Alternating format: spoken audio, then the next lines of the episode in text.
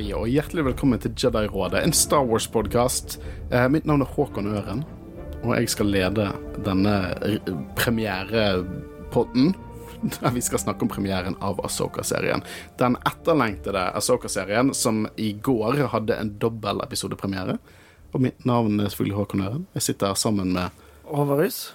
Og Kristian Hynaspen. Som også lyser eh, av ren Star Wars-glede som to barn som nettopp våknet på julaften for å åpne pakker. Jeg prøvde å være kreativ i dag, jeg klarte ikke. Vi skal snakke Asoka, folkens. Vi skal diskutere Star Wars, vi skal dypdykke, vi skal lore-dumpe. Vi skal eh, dra dere på en reise gjennom meninger og spektisering og spankulering og spekulering om den splitter nye Dave, Dave Filoni-styrte Asoka-serien, eller det jeg har lyst til å kalle den, eh, sesong fem av Rebels.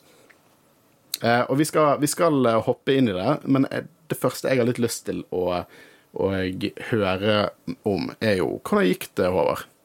Med Rebels. Ja? Eh, ja eh, akkurat nå, de siste ukene, merker jeg hvor deilig det er å ikke lenger skrive en master, fordi når jeg har hatt fri, så har jeg faktisk hatt fri. Så det eneste jeg har gjort eh, de siste to ukene, er å sett Rebels. Eh, jeg kom meg gjennom det til slutt, og jeg digger det. Det var um, Grunnen til at jeg ikke så det når det kom ut, var jo fordi jeg syntes det var en sånn teit barneserie, og jeg likte ikke animasjonsstilen, men det blir jo bare så mye bedre etter hvert. Det er på en måte Det vokser med publikum og blir mer modent, eh, mer, tar opp mer voksne temaer, litt mørkere og alt mulig sånn, og det er kjempebra Star Wars.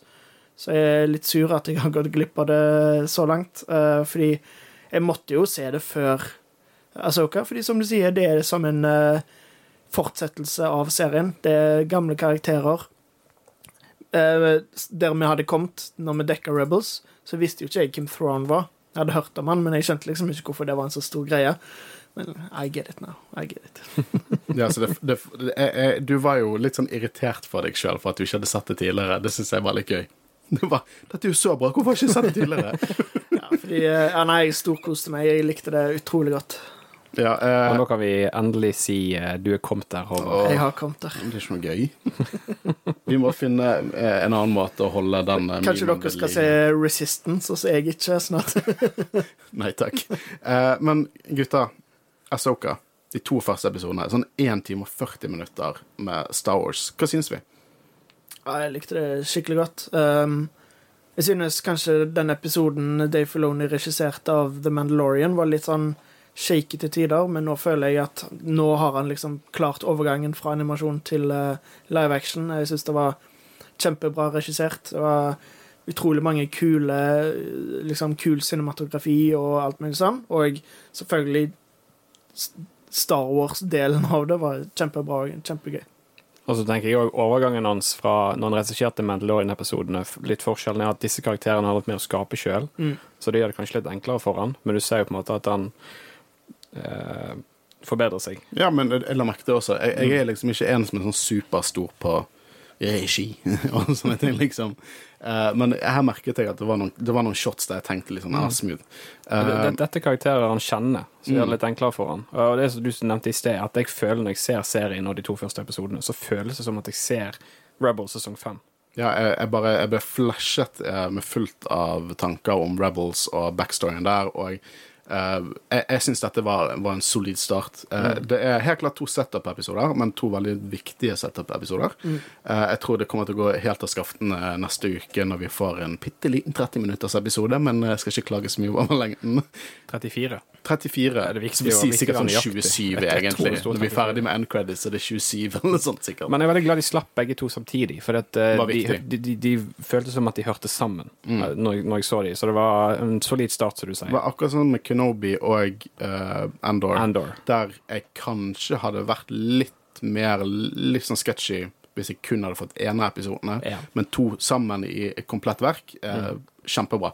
Og som du sier, så er det på en måte Det bare er setup, og jeg har sett litt kritikk eh, på det, at det bare var setup og sånn, men du måtte jo nesten ha det, for det er ganske mange år mellom slutten av Rebels og dette her. Det er mye som har skjedd, og de kan jo ikke akkurat si absolutt alt, men de hintet til ting, og jeg synes det ble gjort på en god måte. 90% av publikummet til Asoka har ikke sett Clone Wars eller Rebels. Så eh, hvis faen måtte de uh, ta det inn Gi oss det med en teskje, liksom. Eh, for Men det ble liksom ikke for mye heller. Det var, ble liksom ikke så over the top, og liksom Sånn som uh, det ble introdusert Witches of Dathomir og sånn, og jeg ah, Så gøy å se de live actene. ass. gjorde det på en god måte, fordi de kunne ikke akkurat si liksom sånn Oh, I am the last of the Witches of Deathmere. You remember be the last You, you remember after Grievous uh, killed all of us and destroyed our planet. Oh, by the way, Merrin is also around somewhere. Liksom, de kunne ikke akkurat gjort det sånn, så jeg synes de gjorde det på en god måte. Ja, nei, altså Storyen som de på en måte legger opp til, virker veldig interessant og spennende. Og det var som vi snakket om uh, i preview-episoden, at uh, vi ville ha noe på en måte litt sånn dypt, så jeg gikk inn på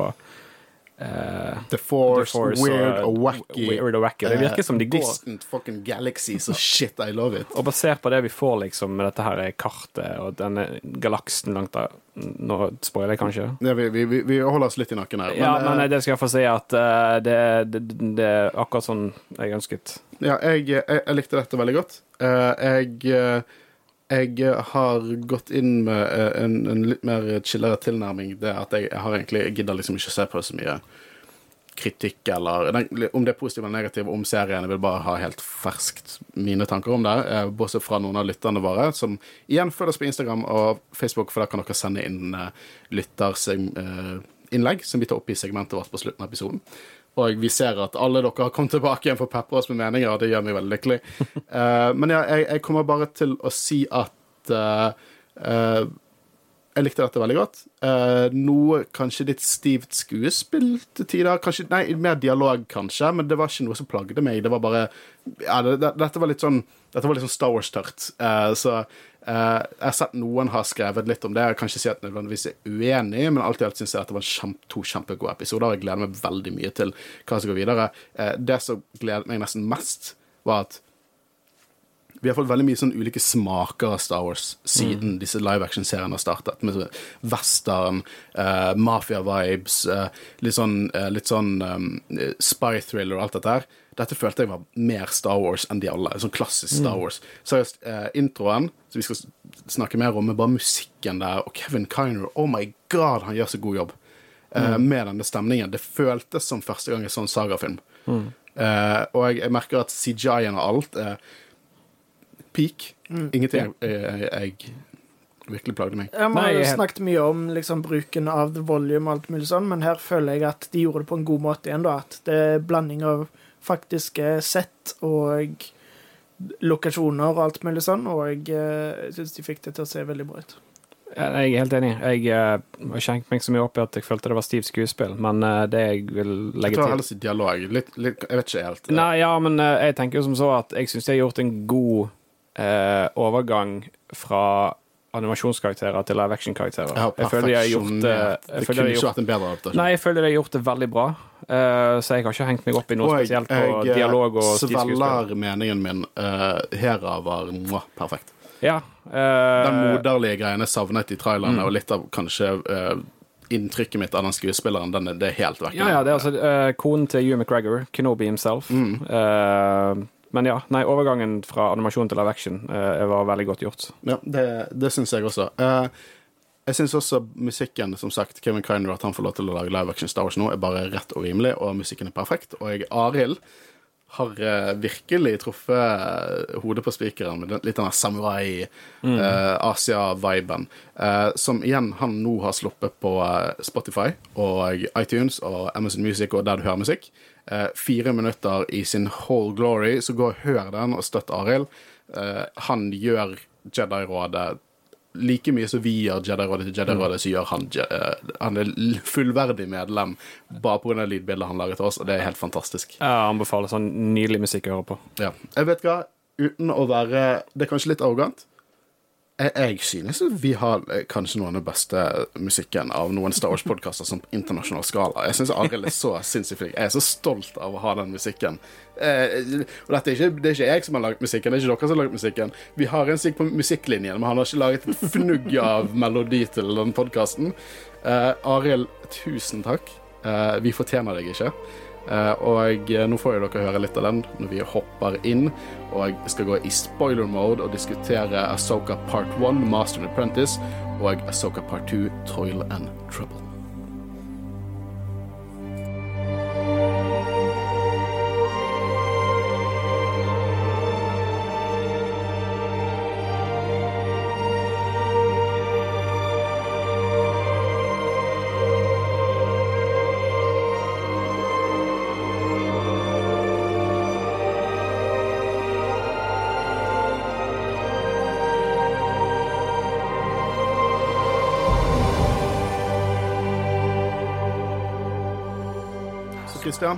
Christian, kan ikke du gloater i at du prediktet hele introduksjonsscenen til eh, denne serien? Ja, men altså, når jeg så traileren, så følte jeg det obvious. De begynner med den scenen der eh, eh, Balon Skull Balon Skull. Å, fy dæven, faen! shit. Jeg vil ha applaus. Hun andre husker jeg ikke hva heter. Darth Banks. Darth Banks. Ja, så eh, hun har uh... Banks, jeg skjønte det. Eh, men i hvert fall han og hun eh, Eh, ankom jo eh, The New Republic-skipet. Ja. Som Eh, du sikkert vet hva kla- Nei, ikke spør meg om sånt. Jeg vet ikke, Det er en frigatte, I guess. Men det jeg la merke til, er at jeg likte veldig godt introen. Ha en liksom halvveis crawl med rød skrift. mm, Ja, det var kjempegøy. Jeg har hørt litt fra, fra noen på jobb at de ikke helt satte pris på kontrasten der. At de syntes det var litt vanskelig å lese. Og du er jo fargeblind. Hadde du noe problem med det? Eh, Nei, men jeg var litt usikker på om det egentlig var gul eller rød eller oransje, men jeg klarte å lese det i hvert fall. Det var rød, var ikke Ja, det var rød. Det var rød, Veldig Clone Wars. Ja. Uh, danger is happening, eh, basically. Men uh, intromusikken her føltes veldig alien, og derfor syns jeg det var veldig passende å plutselig se Mark uh, Rolston. Ja, han spilte jo Alien. Ja, han spilte Drake i Aliens. Mm. Han spiller Captain Hale nå. Eh, og de Dette er helt klart satt etter Mando sesong to. Og det har vært en stor diskusjon. Når er Asoka sett? Eh, hvor, er dette etter Rebel eh, eh, Etter epilogen i Rebels? Er det før? Det har vært en omdiskutert greie i mange år nå. Nå har vi fått det bekreftet, egentlig, at dette leder opp mot siste scene i Rebels. Um, det er Morgan Elspeth, hun som var med i Backdoor-piloten for Mando sesong 2. Det er hun som er en fange på dette skipet. Og jeg, eh, hun har vel informasjon om et kart som skal føre til Thrawn. Eh, og dette her er sånn, det, det er så klassisk eh, Star Wars goofiness, McGuffin, eh, og jeg, jeg føler ikke vi har hatt det siden live action-filmene. Så at det, det er tilbake nå Det kan hende noen som hater det, men jeg elsker det. det er McGuffins, ass. Det er ah, konge. I hvert fall, det kommer noen her som mener de er um, Jedi. Eh, de bruker en gammel Jedi-kode. Jeg følte det var litt sånn eh, vri på den der eh, Return of the Jedi-koden når de skal ned på Moon of Endor. It's an older code, but it checks out. Ja, og tenk, Hvem skulle trodd at vi fikk eh, en awesome hallway-scene sånn de siste første fem minuttene Ja, av tenk det. Eh, Men vi har jo snakka veldig mye om hvor ubrukelig New Republic er, og jeg bare føler dette understreker det. At de vet det var en gammel kode, og de tror ikke på at det er Jedi, men ja, bare slipp det bord for, det akkurat det. Akkurat det de ubrukelige. De liksom uh, Burde ikke de òg tenkt litt på Jedis? De er, Denne tidsperioden? Burde ikke, de, vært, burde ikke vært litt skeptiske? jo, det tenker jeg også, Ja. men eh, det er også, tror jeg, er poeng med det der hovmoten. Sant? Å være arrogante og kanskje ikke lære av de feilene som The Empire gikk på. på. I hvert fall på den måten. Så jeg tror de absolutt prøver å si et poeng med på en måte hvor, eh, hvor cocky de er. da. Ja, de føler de bare kan møte de i gangen og bare ta Så, de så det er egentlig veldig riktig å gjøre det på den måten for å vise hva The New Republic Mm, Pisse, de må, de fremstår. står pissekonkurranse. Du må, ned, Ja. må pisse på territoriet ditt foran disse wannabe jediene. Har de The Force og lightsabers, who cares? Bare piss på de. Eh, men de nevner jo Home One, eh, altså MCAD, som også var med i episode 6, en historie Mon Calamari-skipene. Yes. Uh, så på en måte flaggskipet av flåten, så det er gøy at det på en måte blir snakket om og vist senere i, i, i episoden. Det, det var som du sa i uh, introen, av snakket om, at de, de er veldig flinke med referanser og uh, easter eggs sånn Ja. si, i, i serien, syns jeg. Og det er også første gang vi får se en ETA-class for første gang i live action. For det er disse her eh, mercenary ex-jediene kommer jo inn i ETA-class. Vet du hva, jeg, jeg, kom, jeg blir aldri lei av å se live action-adaptasjoner av animasjon tidligere som har vært i animasjon. Liksom, Den gimmicken. Jeg blir aldri fuckings lei av det. Det er dritfett. uh, og da får vi se Balen Skull og Shin Hati. Og jeg må si at jeg Basert på trailerne så tenkte jeg kanskje det var litt kjedelig design, men nå når jeg har på en måte fått sett det mer, så digger jeg det. Spesielt Shin Hatis, litt sånn samurai-robes eh, eh, med kapper. Liksom, kapper gjør verden et bedre sted. Jeg tror ikke det har vært krig i verden folk får slitt med kapper, for folk har vært for opptatt med å se hvor kule de er med kapper. Du Politikerne at- våre bør ha kapper. Ja, det, ja, for det var det jeg skulle til å spørre deg om. Det har du sagt i ja, ja. alle tider. Og helt sånn asymmetrisk, litt sånn Bale Organa-type kapper. Eh, men det var dritfett. Og så ser du litt sånn, du, allerede ser du litt sånn karakteriseringen deres. At, at liksom uh, Bale Skull, han er på en måte rolig, gjennomtenkt, men, men bestemt. Brutal. Nesten litt sånn Vader i hvordan han slåss. Mens Shin Hati er mye mer, mye mer uh, spy, Sith Spider-Monkey. Hopper veldig aggressiv, veldig akrobatisk. Allerede da kan du på en måte se litt sånn Hvem er disse karakterene?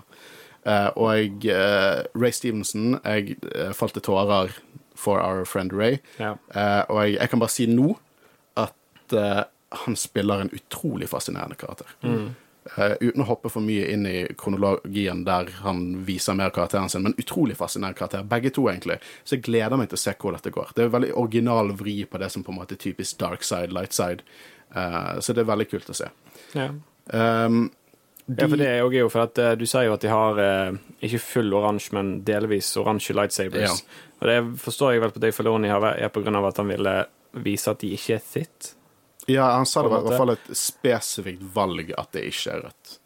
Ja. Men, men, men nå Og så leste jeg et eller annet om at eh, når han så Return of the Jedi, for eksempel, så følte han når han så refleksjonene til lightsaberne, så var det litt oransjeaktige tendenser Det i kan også godt hende. At Men, han er sånn eh, referanse, fandom-referanse sjøl. Ja, men òg hvis jeg arresterer meg gjerne her, men òg pga. at han ville indikere at de ikke var sitt. Ja, men Men det jeg merker du òg når de går om bord på skipet. For jeg tenker jo som så at en sitt ville kanskje bare gått rett og slaktet alle, men de stoppet jo. Det virker som at de ville gjøre dette fredelig.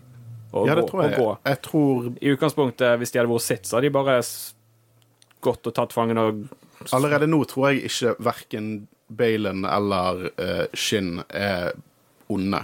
Nei, det er derfor. jeg, ja. for, for de hadde ikke gjort noe med mindre de Morgan Elspeth derimot, hun tror jeg er pure evil. Ja, ja. Men det Ja. er liksom eh, du, du merker kontrasten. Ja da, absolutt. Og, og jeg, jeg tror absolutt at dette her er personer som bruker det dark side. Definitivt. Uh, for vi kommer helt sikkert til å få vite dette med lightsaberne. Men foreløpig så tror jeg det er en konsekvens av å bruke the dark side uten å bløde krystallen din. Så du må, Det- blø, du må blø krystallen for å få den crimson Sith-fargen, og det, har ikke, det valget har ikke de gjort. Uh, men jeg tror de har brukt the dark side. Vi, Tror du det ble forklart i serien, altså? Vet du hva, uh, sist gang jeg sa at uh, vi får aldri vite om Mando falt eller bare bedratt ned, så fikk, var det første vi fikk vite, var neste episode om avfall. Så jeg skal ikke si om vi får vite eller ikke. Jeg bare, Inntil vi vet mer, så kommer jeg til å tro, basert på min egen canon-kunnskap, at dette her er uh, lightsaber, uh, kyberkrystallet til to Force-brukere som bruker the dark side, men ikke har blødet krystallet. Det er en fin teori, det. Jeg syns det er plausible. Og hvor kult er ikke det med ex-Jedi Mercenaries? Det er bare badass. Det er liksom som å gi Boafett en lightsaber bare go ahead. Uh, men de redder Morgan Elspeth eh, herifra, da. Uh, og vi hopper rett til uh, et Night Sister Stronghold på planeten Arcana. Og dette er fett. Uh, Arcana er en ny planet som er laget for Asoka, men dette er tusenvis av år siden gammelt Stronghold.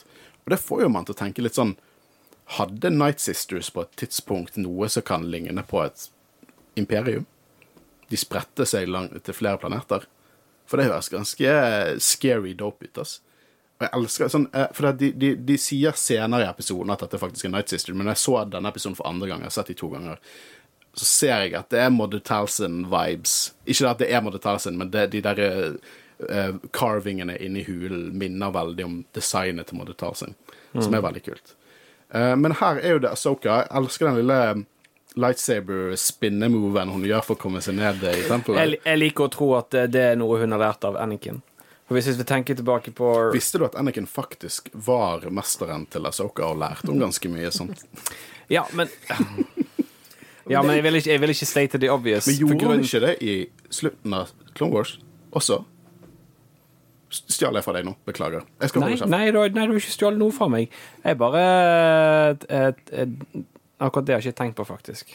Så jeg tror jeg holder meg til, hvis det stemmer, den. Ja, godt sagt. Jeg skulle egentlig bare nevne Altså, ja da, hun var apprenticen til Anakin Skywalker. Som at, som at det ikke var liksom Bare tuller med deg, Kristian. Uh, Men det jeg skulle si, var bare dette her med den slettede scenen fra Range of the Sith, der eh, Anakin Obi-Wan eh, unnslipper fra Grievous på akkurat samme måten. Oh, ja, Så jeg bare tenker sånn Kanskje det er noen har lært fra Anakin, så jeg bare liksom Sikkert der som vi av Clone Wars inspirert av dette. Eh, Ja. Uh, men uh, det er gøy med litt sånn, uh, litt sånn puzzles Cal Kestis kunne bli trengtes nede i den der hulen. Og hun finner altså den herre star map-tingen, da. Um, vi får også se Huyang, som vi da ble kjent med i Clone Wars.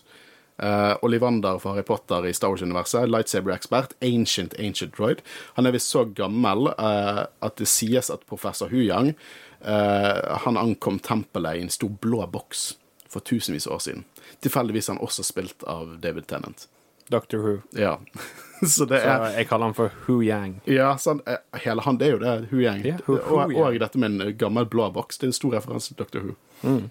Eh, utrolig god uh, Har du sett Du har ikke sett den episoden han var med i Clone Wars, har du? Nei, Eh, du dekket ikke den. Nei, men jeg har fått med meg hva det gikk ut på. Det er litt sånn, når, hvem skulle, når kommer den drøyten til å dukke opp igjen, tenkte nå jeg. Men um, uh, jeg syns det er en Kanskje det nå som er på tide at vi skal dekke alle episodene vi ikke har dekket, Eh, så vi er sikre. Det skal ikke vi utelukke, kanskje. Eh, vi går på den, en ny Clone Wars-dekking Da har vi dekket alt vi ikke har dekket før. Det må ikke vi love når vi ikke klarer å holde her. Men jeg synes at de gjorde en fabelaktiv jobb med å overføre han til live action. En blanding av, eh, av praktisk og eh, litt CGI, så jeg, som knyttes ganske sømløst sammen. Jeg syns hele denne sekvensen var skikkelig kul. Men jeg fikk litt sånn Indiana Jones-vibe helt i begynnelsen. Der Kastet inn i et eventyr, liksom. ja, Asoka sa på en måte ingenting. Hun bare gikk rundt og løste puzzles og alt mulig sånn. Og eh, når hun endelig hadde fått den greia Og eh, her var et av de shotene jeg bare tenkte var dritfett, fordi hun hopper liksom oppå det hullet hun hadde lagt, og så snur kameraet seg, og så ser du bare en droid stå der, og så hører du bare en bjelle i bakgrunnen. Veldig sånn samurai-vibe.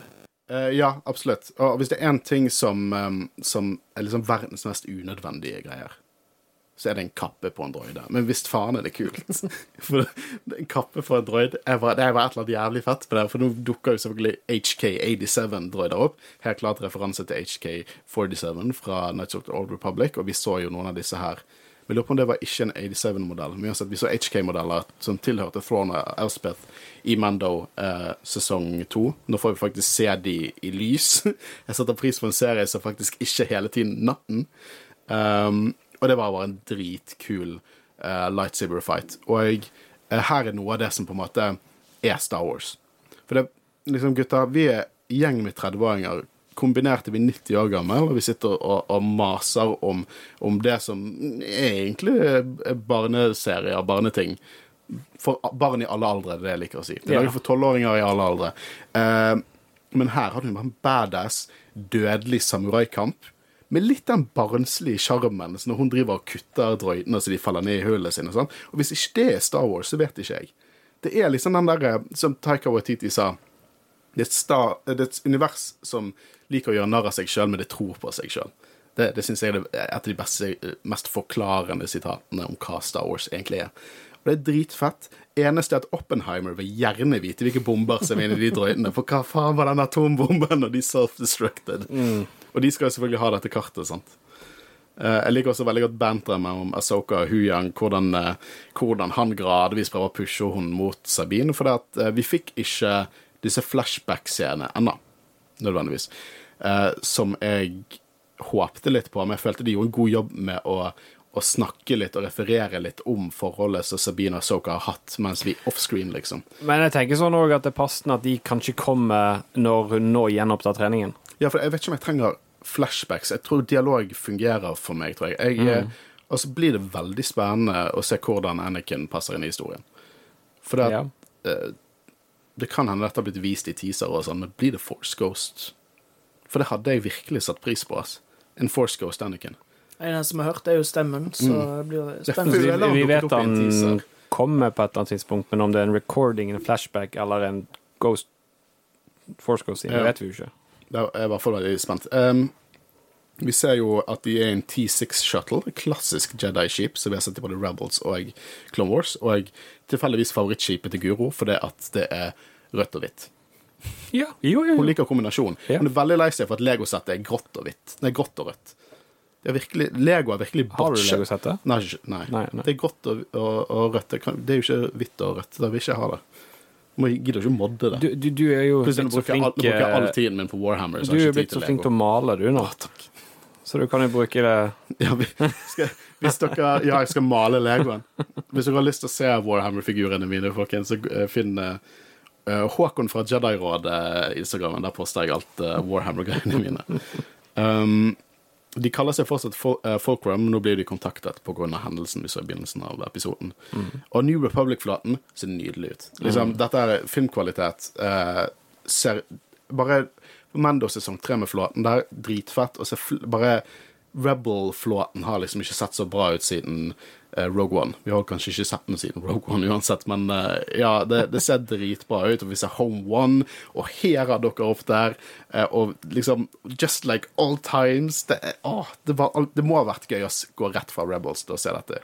For nå er det en stund siden jeg og Christian har sett slutten av Rebels, er ikke det? Jo, eh, egentlig så hadde jeg veldig lyst til å se den, i hvert fall den siste sesongen før, Mm. men det har jeg ikke gjort. Men det er en stund siden, så det må jo være litt annerledes for deg. Ja, det var utrolig gøy å bare hoppe rett inn i det. Ja. Var det ganske sømløst, liksom? Følte du dette var det samme? Uh, ja, så jeg uh, følger jo det. Spesielt uh, hvordan karakterene er fremstilt. Og uh, senere er det òg en referanse til Rebels som jeg sikkert ikke hadde huska hvis jeg ikke hadde sett det med en gang, og liksom faktisk huska navn og alt mulig sånt. Så ja, det er utrolig gøy. Eh, og eh, selv om det har gått en del år siden In Universe, så er det jo det, det er tydelig at det er på en måte samme karakterer, men de har vært gjennom mye siden sist òg. Så det gir på en måte òg litt mening at de ikke er litt At de ikke er helt samme, fordi de er, de er eldre og har opplevd mye. Jeg er glad for at du tar det opp. For Asoka Asoka er cranky i disse to episodene. Men hun var jo òg det i eh, Mandalorian òg. Og Ja, ja. jeg føler òg til en viss grad i Rebels at hun på en måte Vi har sett en progresjon med den karakteren. uh, fra tidlig Clone Wars til slutten av Clone Wars til Rebels, som tok på med en sånn vis uh, hjelper, uh, og gikk litt mer den der at hun har levd gjennom shit, liksom. Hun går full Gandalf. Ja, full Gandalf. Og jeg, Ahsoka her er litt cranky. Hun har noen av de sjarmerende smilene sine, liksom, til tider, men hun går litt cranky. Eh, og jeg, tenker at Ahsoka sin store lekse i denne serien er, handler om det å være en mester. Liksom, hun, hun har ikke den erfaringen. Og hun nesten minner meg litt om Obi-Wan fra Attack of the Clones. Litt mindre diskré. Hun hyler ikke til apprenticen sin, sånn som lille sjalu Obi-Wan gjør i Attack of the Clones, men det er litt mer den. Liksom, litt sånn at OK, nå må du roe deg litt, nå er du litt for hard. Uh, selv om Sabine fucker dyrisk opp i denne episoden. Men jeg tenker at det er en utrolig kul ting at hun har en utvikling, karakterprogresjon, for det, det er ikke samme karakteren. Jeg husker det var en kritikk mot eh, Boba Fett som dukket opp i Mando, at hun, det er jo ikke samme karakter vi så når han var tolv. Kanskje jævlig mye fra du er tolv til du er gammel til Mora Morrison. Og så har de gitt oss kontekst senere. Nå ser vi en neste nivå av hennes karakter. Hun kommer til å være litt annerledes. Hun kommer til å fortsatt mykne litt opp. Hun har en lekse å lære seg. De tar en, en etablert karakter, gir den en lekse. Noe de gjorde i Last Jedi også. Jeg bare håper ikke at, at folk blir like forbanna på Asoka som de blir på Luke i Last Jedi. Det håper jeg ikke. For det at hvis Asoka skulle bare dukket opp, og det var ingen liksom, karakterdilemma eller ingen lekser for hun å lære, så hadde ikke det vært interessant. Hun kan ikke være eh, Space Jesus. Eh, så jeg, jeg, jeg syns det er interessant. Og denne episoden heter Master and Apprentice. Det handler om at begge skal lære. Vi har duologien uh, med, med Balen Skull og Shinhati, og jeg, jeg, bare, er positiv til den lærdommen som hun kan gå gjennom som karakter. Jeg føler òg at uh, folk må respektere det de gjør òg, til en litt større grad enn The Last Jedi, fordi der var det jo veldig mange som sa sånn, inkludert deg, at det er ikke din Luke, på en måte, og det er forståelig, men nå er det jo òg litt annerledes òg, fordi det er jo Dave Filoni som har skapt Asoka og liksom gjort alt sånn, og det er Dave Filoni som har skapt denne serien, og det er han som har skrevet det, så det er på en måte Det er hans karakter, og det Asoka gjør i denne serien. Det er på en måte det er sånn det skal være, fordi Mm. det er Dave Filoni som på en måte står bak absolutt alt. Eh, nå skal jo eh, på en måte Hera gi en brief til Asoka, og det kommer fram til denne McGuffin da, eh, om at eh, de kan finne Thrawn, de kan finne Ezra. Og her er litt sånn Jeg kan skjønne at folk som ikke har sett Rebels, er litt lost. Og da tenker jeg liksom What are you doing? Gå og se Rebels. Gå og se Rebels. Dette er sesong fem av Rebels. Det, til, det er så bra i seg sjøl. Det kommer til å gjøre denne serien latterlig mye bedre for deg. Bare gå og se Rebels. Hvis Håvard klarte det på en uke, så klarer du å se ferdig Rebels på, til neste episode. Kom an, prøv. Gjør det. Uh, men um, det de finner ut, er at dette kartet er lost.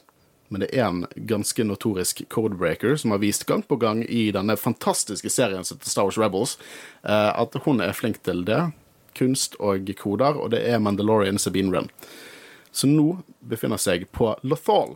Og vi ser Lothal i live action, og det er shiny, og det er så dratt ut av animasjon bare at det ser mer pretty ut, fordi det ikke er Empire som styrer der lenger. Og vi ser Ryder Asadi, spilt av Clancy Brown. Den så jeg ikke komme. ass. Jeg så i hvert fall ikke at Jai Kell skulle være med. Det var Jai Kell jeg nevnte eh, som en referanse tidligere, som jeg aldri hadde tenkt på hvis jeg ikke hadde sett Rebels såpass nylig, men at det er jo samme Jai Kell. Og veldig gøy at de gjør sånne ting. Ja, At eh, han er blitt en senator nå. er- Ja, ikke det litt gøy, da? Det, er- for de som ikke husker, så var han med i denne fantastiske serien som heter Star Wars Rebels, eh, i en liten ark der, eh, der Ezra, som også var med i denne fantastiske serien som heter Rebels, eh, var liksom, gikk undercover i eh, eh, Stormtrooper Cadet-greier. Og han var jo òg med i siste sesong, når de var tilbake på Lothal, og at han, da var han en del av på en måte en rebel-cellen på Lothal. Good for him at han har blitt senator, da.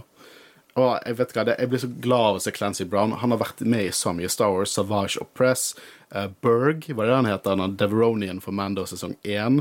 Uh, han har spilt Ryder Asadi. Han, han har vært med så mye voice acting og live action og Star Wars at han har blitt en av de litt sånn ikoniske Star Wars-skuespillerne i, i mitt hode. Eh, men det er en seremoni de feirer eh, jubileet, I guess, fra de overtok fra The Empire. Jeg liker at fordi Det har jo vært veldig mye snakk om liksom, tidslinjen her, og de var så lite spesifikke. liksom On this day several years ago, I, don't worry about it. We, liksom. Nei, de markerer vel òg Ezra og heltene, så Ja, de har, jeg tror de, de prøver å være litt forsiktige med det, for de har ikke lyst til å, eh, å på en måte gå inn i en boks liksom, på hva de kan lage, og at det ikke går imot canon og sånn. Uh, jeg tror også på gru, liksom, et, Grunnen til at vi ikke fikk den der visual dictionary av Mando, er på grunn av dette som skjer nå, liksom. At vi får utvidelsen. Jeg trodde ikke de visste at Mando skulle bli så vellykket. Hvis ikke i hvert fall Mando ble så vellykket, så hadde ikke vi fått Asoka-serien. Så eh, jeg tror at de det, det kommer nok en timeline seinere. det kommer en timeline. Å, gutta! vet- eh, 4K Blu-ray av Mando sesong 1 og 2 kommer til jul. Aha, det er drømmen min! De kommer! Jeg kan legge de i hyllen. Steelbook-cover i hele pakken, så hele driten kommer. Å, det kommer sikkert en sånn stor collectors-boks med alle live action Star Wars-seriene en eller annen gang. Jeg gleder meg. Var det et hint? Hint? Jul? Jul? Ja, definitivt. Hvis vi skal begynne å gi hverandre julegaver, så er det det jeg ønsker for dere. Så er det er sikkert det dere ønsker for meg også. Um, men eh, de eh, skulle gjerne hatt Commander Sabine der. Som uh, don't play by the rules, så vi får en ny sånn grungy in universe Star Wars-track når to uh, piloter i uh, E-Wings, som er ganske stor Legends-skip, og det er første gang vi ser de i live action her nå. Jeg tror ikke de har dukket de har vel dukket opp i Cannon tidligere, men det er første gang i live action. Uh, veldig ikonisk fra Dark Empire-serien. Uh, kult å se de dukke opp. De prøver å eh, få Sabine til å komme inn og hilse til folket, men ingenting stopper Sabine. Ok, Med sekundet jeg så Natasha Leo Bordisso, så tenkte jeg faen, det er Sabine. Holy shit, det er perfekt casting. Og jeg, jeg må tenke meg at for Dave Filoni kommer ikke til å være sånn Nei, ikke, ikke se Rebels, bare gjør deres egen ting. Nei. Dave Filoni har, gitt de spesifikke scener eller, eller episoder, garantert. For at jeg ser hun Hun har studert liksom the mannerisms av Sabine. Og det samme med Hera. Uh, Winslet. Nei?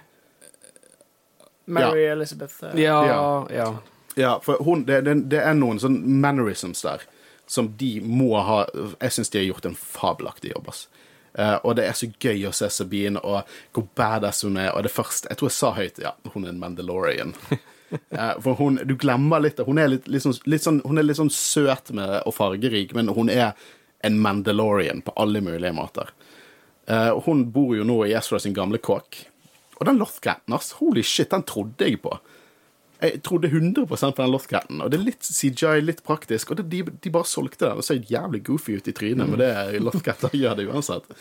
Og hvordan den på en måte strakk seg som en ekte katt, og de lydene han lagde. Helt konge. Um, men la oss snakke litt om Sabine.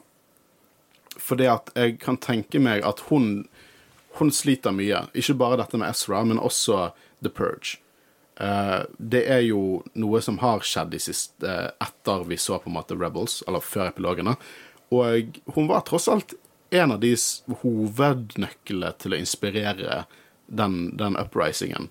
Hun ga uh, Bo-Katan The Dark Saber, og alt dette endte jo i The Purge. Og dette kan du se i den fabelaktige serien Star Wars Rebels. Hvorfor har ikke du sett den ennå, liksom? Men ja, så jeg, jeg, tenker meg Tror du vi får litt mer innsikt i på det er hennes Mandalorian-gener, og hvordan det henger sammen? Jeg håper jo det, spesielt eh, Det virker jo som i serien da at hun har lagt det litt til side. Hun går ikke med rustningen, hun har lagt hjelmen under et bord. Og, og hvordan kameraet hele tiden viser hjelmen litt, sant. Mm. Og så i, i, slutten så tar hun han Vi kommer jo der senere, da, men uh, liksom når hun tar han på seg igjen og føler at da er det på en måte OK, nå er jeg klar til å være Mandalorian igjen. Så jeg er helt sikker på at vi kommer til å få mer om på en måte både bakgrunnen hennes og uh, hva som har skjedd i mellomtiden. Ja, for det må nesten Det blir litt for dumt å ikke snakke om Mandalorian-historie etter alt som har skjedd med Mandalore, liksom. Hvem vet? Er dette satt etter sesong tre av Mando?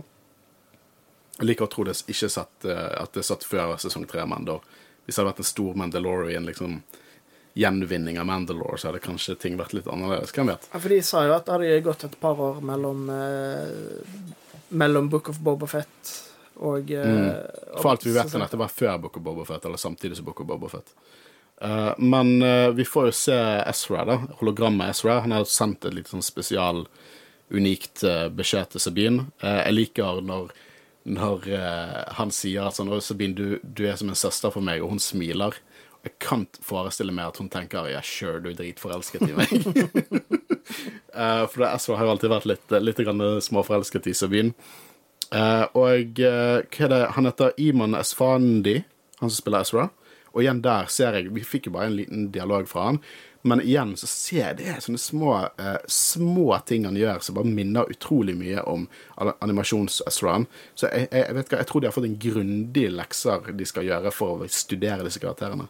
Så det blir interessant å se hvordan Om han i det hele tatt er med i denne sesongen. Det må han nesten være.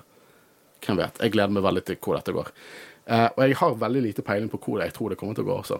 Altså, jeg tror jo det at Ezra kommer inn Eh, når Tron kommer inn mm. i bildet. Kanskje det blir sånn at de tror For det er jo, at Ezra er Det er jo logisk å tenke at de er på samme sted. Vi må få noen som Jabba the Hutt, at han kaller seg Jabba the Hutt. For jeg føler jo det er ganske klart at de bygger på uh, det som skjedde i slutten av sesong fem. Mm. Det er der Sesong fire, mener du? Unnskyld, sesong fire. Uh, at der vi skal, er der de endte opp. Mm. Ja, det, det blir i hvert fall veldig spennende å se. Uh, og vi tenkte jo at de skulle være i World Between Worlds, men i denne neste scenen ja, Vi kommer litt innom det senere, men de er jo de er en helt annen galakse. What the fuck? Det er så sykt! Elsker det. det skal, vi, skal, vi, bare spekulere litt om det kan være Melkeveien, eller? oh, hvis dette er sånn en uh, introduksjon til multiverse og liksom oh, Star Wars X Avengers og alt mulig sånn. Iron Man dukker opp, og så er det Azra inni. Nei, please don't. Uh, men The Bad Guys de er på Arcana nå. Det har vi får bekreftet at, at Morgan Elspeth er en Night Sister, og det snakket vi litt om når vi dekket Mando sesong to. At det dukket opp litt sånn bakgrunnsinformasjon om at hun var en Night Sister, og hele hennes klan ble drept.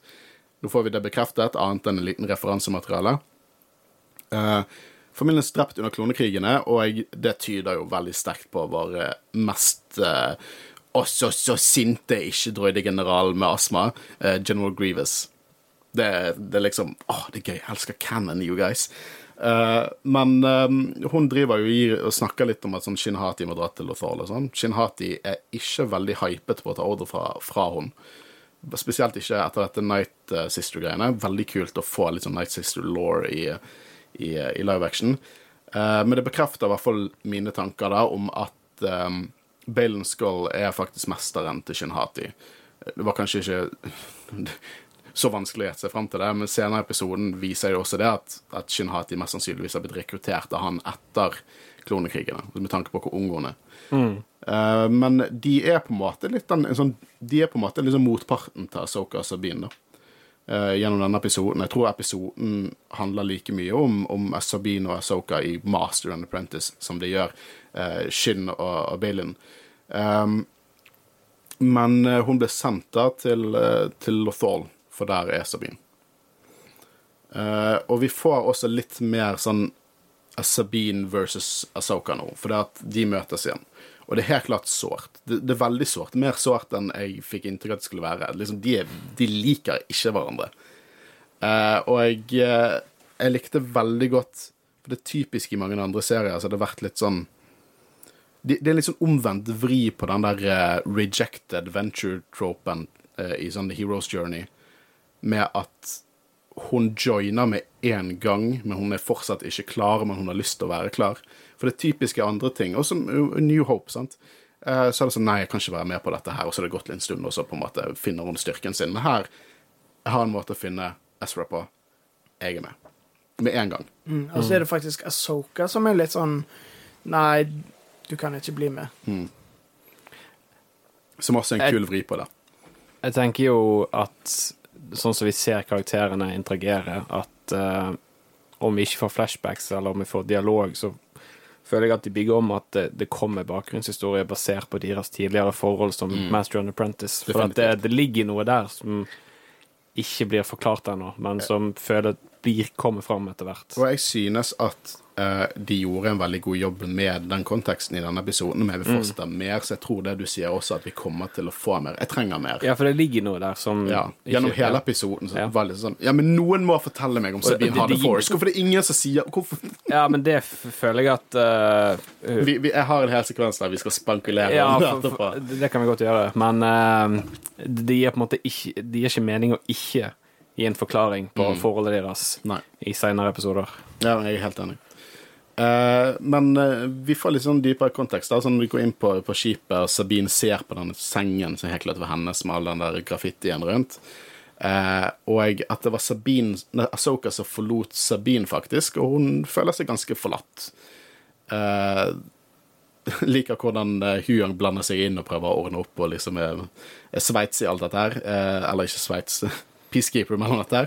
Um, og det er her det er dette kartet og en skann av tempelet, og uh, Ahsoka på en måte sier at de har ikke klart å løse det, men kanskje hun gjør det, fordi hun har den kunstneriske øyen, og hun er kjent til å være en codebreaker. Uh, og det er jo her Sabine har lyst til å ta med seg kartet og skannen for å på en måte være et sted hun kan tenke litt mer, noe Ahsoka sier nei til. Um, her uh, går jeg igjen på det Ahsoka har noe å lære hun også. Episoden, også i denne episoden. Hun kanskje Hun er hovedpersonen her, så hun må ha noe å lære, ellers hadde det ikke vært interessant. Jeg synes at Ja, hun virket ikke helt seg sjøl i disse episodene. Hun har vært litt cranky, men jeg tror vi kommer til å se hun mykne litt opp jo mer hun lærer å være mester. Hun, liksom, La oss snakke litt om, om, om hennes frykter, da. Så hun, hun på en måte Hun kjente liksom Anakin.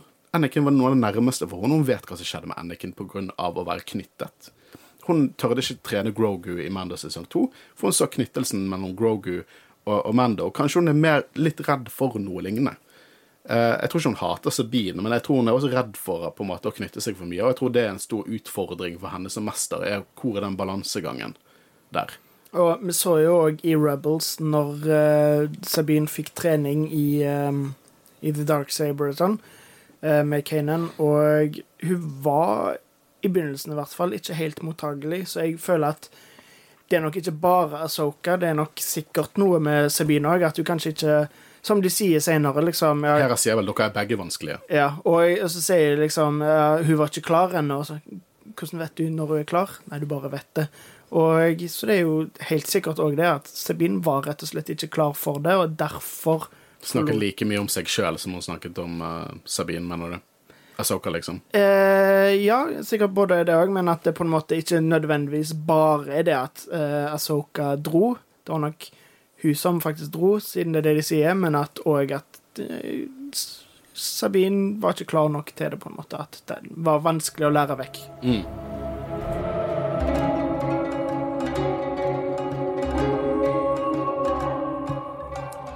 Nå kommer jo vi til Huyang sin analyse av lightsaberen, som jeg digger, for han har fått beskjed om å på en måte analysere lightsaberne. Og det er så fett! Og det gir mening. Det gir kjempemening. Ja.